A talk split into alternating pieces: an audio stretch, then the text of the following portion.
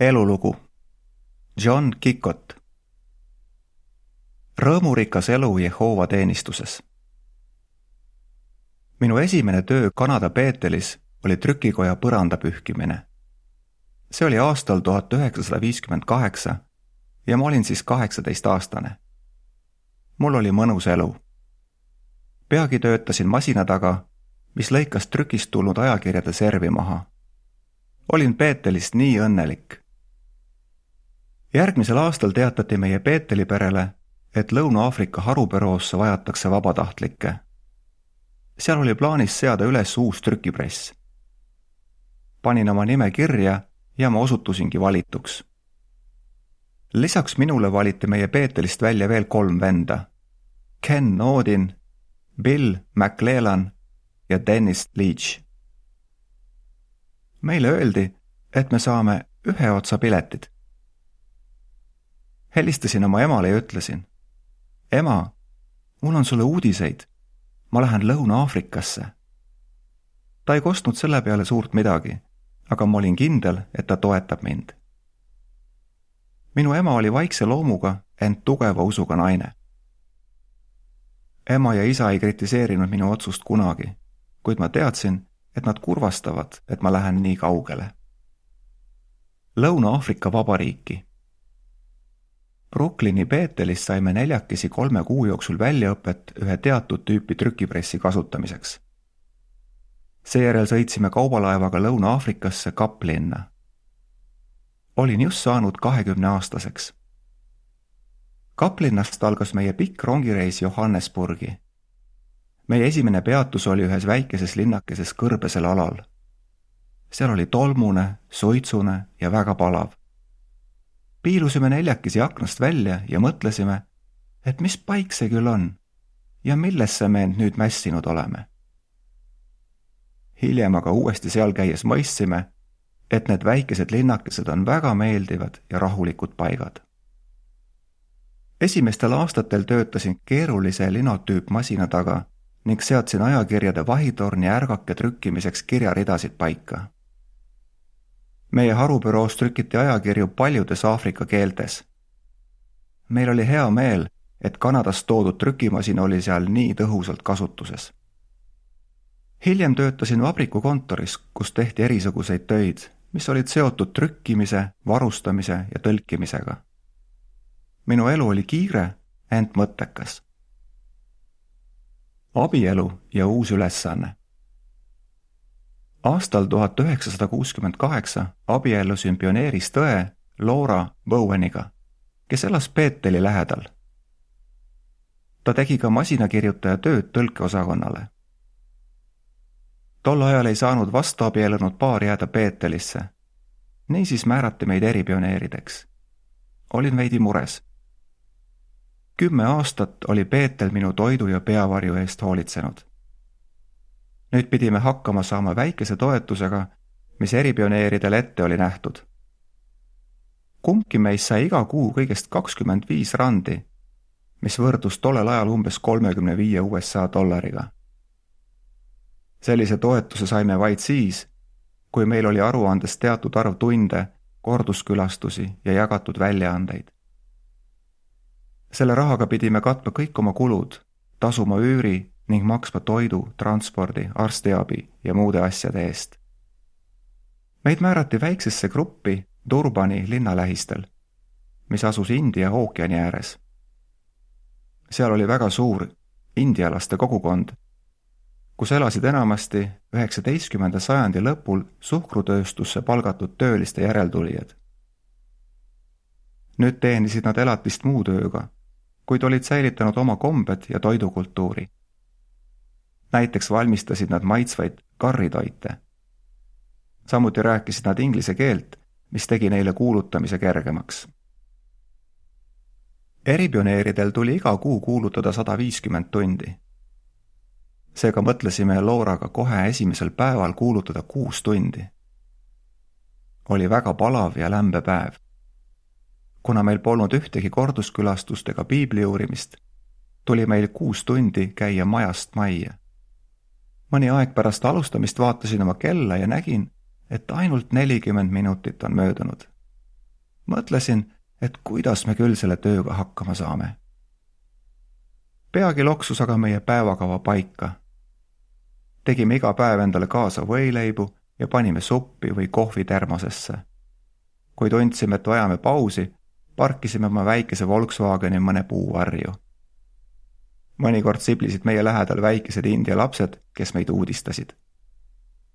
mõne päeva pärast avastasime, et kui olime paar-kolm tundi kuulutanud, läheb ülejäänud päev üsna kiiresti. oli suur rõõm rääkida tõde meie territooriumi külalislahketele inimestele. indialased olid lugupidavad, tänulikud ja jumalakartlikud. paljud hindud võtsid meie sõnumi vastu.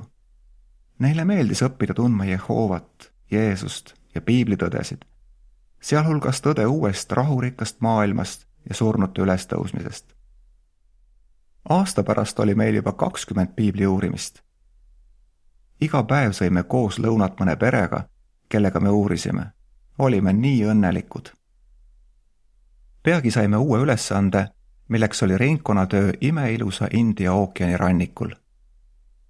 Iga nädal peatusime eri pere juures, et külastada kogudusi ja neid julgustada. Need pered said meile väga armsaks, samuti nende lapsed ja koguni koduloomad möödus kaks toredat aastat. ent siis äkki helistati meile harubüroost. sealt öeldi, et meid kutsutakse tagasi Peetelisse. ütlesin neile, et meil läheb siin nii hästi, ent muidugi olime valmis minema sinna, kuhu iganes meid määratakse. tagasi Peetelisse. mind määrati teenistusosakonda, kus sain töötada koos küpsete ja kogenud vendadega tol ajal saatis Renkon ülevaate pärast koguduse külastamist selle kohta harubüroosse aruande. seejärel saatis teenistusosakond sellest aruandest lähtudes kirja kogudusele. selline kiri oli mõeldud koguduse julgustamiseks ning samuti vajalike juhendite andmiseks. see tähendas palju tööd vendadele, kes tõlkisid selle kirjavahetuse koosa, suulu ja teistest keeltest inglise keelde ja inglise keelest aafrika keeltesse pidasin nende kõvast tööst väga lugu. Need vennad aitasid mul ka mõista raskusi, millega meie mustanahalised vennad-õed silmitsi pidid seisma. tol ajal kehtis Lõuna-Aafrikas apartheidi poliitika. Igale rassile oli määratud oma elupiirkond, nii et eri rassist inimestel polnud eriti võimalik omavahel suhelda. meie mustanahalised Aafrika vennad ja õed tegutsesid ja kuulutasid vaid oma keelekeskkonnas seni polnud mul eriti olnud võimalusi meie mustanahalisi usukaaslasi tundma õppida, kuna olime olnud vaid ingliskeelses koguduses. ent nüüd oli meil võimalus nende kultuuri ja tavasid tundma õppida. sain teada, milliseid raskusi vendadel õdedel kohalike tavade ja uskumuste tõttu oli. Nad olid väga julged. otsusekindlalt hülgasid nad piibliga vastuolus olevad kombed ja keeldusid osalemast spiritistlikes toimingutes kuigi sattusid seepärast oma sugulaste ja külaelanike põlu alla. samuti olid maapiirkonnas inimesed üsna vaesed. paljudel oli vähe või polnud üldse kooliharidust, ent nad pidasid piiblist lugu. Mul oli ka võimalus aidata lahendada mõningaid juriidilisi probleeme, mis puudutasid meie usuvabadust ja erapooletust poliitilistes küsimustes. oli nii usku kinnitav näha ustavust ja julgust mida ilmutasid noored Jehova tunnistajad, kes keeldusid koolis osalemast ühispalvetamisel ja religioossete laulude laulmisel. veel üks keeruline juhtum, millega vendadel tuli rinda pista, leidis aset Svaasimaal. Kui kuningas Sobuusa teine suri, nõuti kõigilt riigi kodanikelt leinariitustes osalemist. mehed pidid oma pea paljaks ajama ja naised juuksed lühikeseks lõikama paljusid vendi ja õdesid kiusati taga, sest nad keeldusid järgimast seda tava, mis oli seotud esivanemate kummardamisega. Nende ustavus Jehoovale liigutas meid väga ja kinnitas meie usku. Õppisime palju meie Aafrika vendadelt ja õdedelt. tagasi trükikotta. aastal tuhat üheksasada kaheksakümmend üks paluti mul aidata sisse seada süsteemi, kus trükkimine pidi hakkama toimuma arvutite kaasabil. niisiis läksin tagasi trükikotta. see oli põnev aeg. trükimaailmas oli toimumas nii palju muudatusi. Kohalikud müügimehed andsid harubüroole ilma igasuguste kohustusteta proovimiseks fotoladumismasina. üheksa linotüüpi vahetati välja viie uue fotoladumismasina vastu. samuti seati üles uus offset trükimasin. see kiirendas trükkimist oluliselt lisaks töötasid vennad välja mitmekeelse elektroonilise kirjastussüsteemi. põnev oli näha, kui palju oli tehnika arenenud alates ajast, kui me Kanada Peetelist Lõuna-Aafrika poole teele asusime. olime kõik neljakesi abiellunud tublide pioneerõdedega.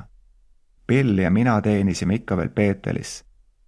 Ken ja Dennis elasid Peeteli läheduses ja kasvatasid lapsi.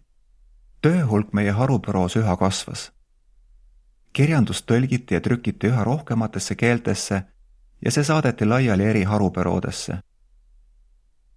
viimaks oli tarvis suuremaid hooneid.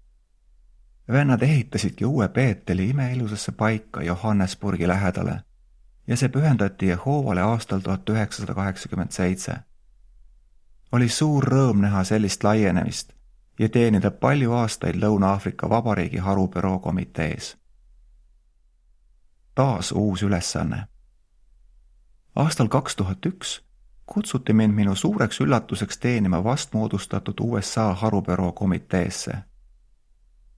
Kuigi meil oli kahju jätta oma töö ja lahkuda sõpradest Lõuna-Aafrikas, ootasime põnevusega USA Peeteli pere liikmeks saamist.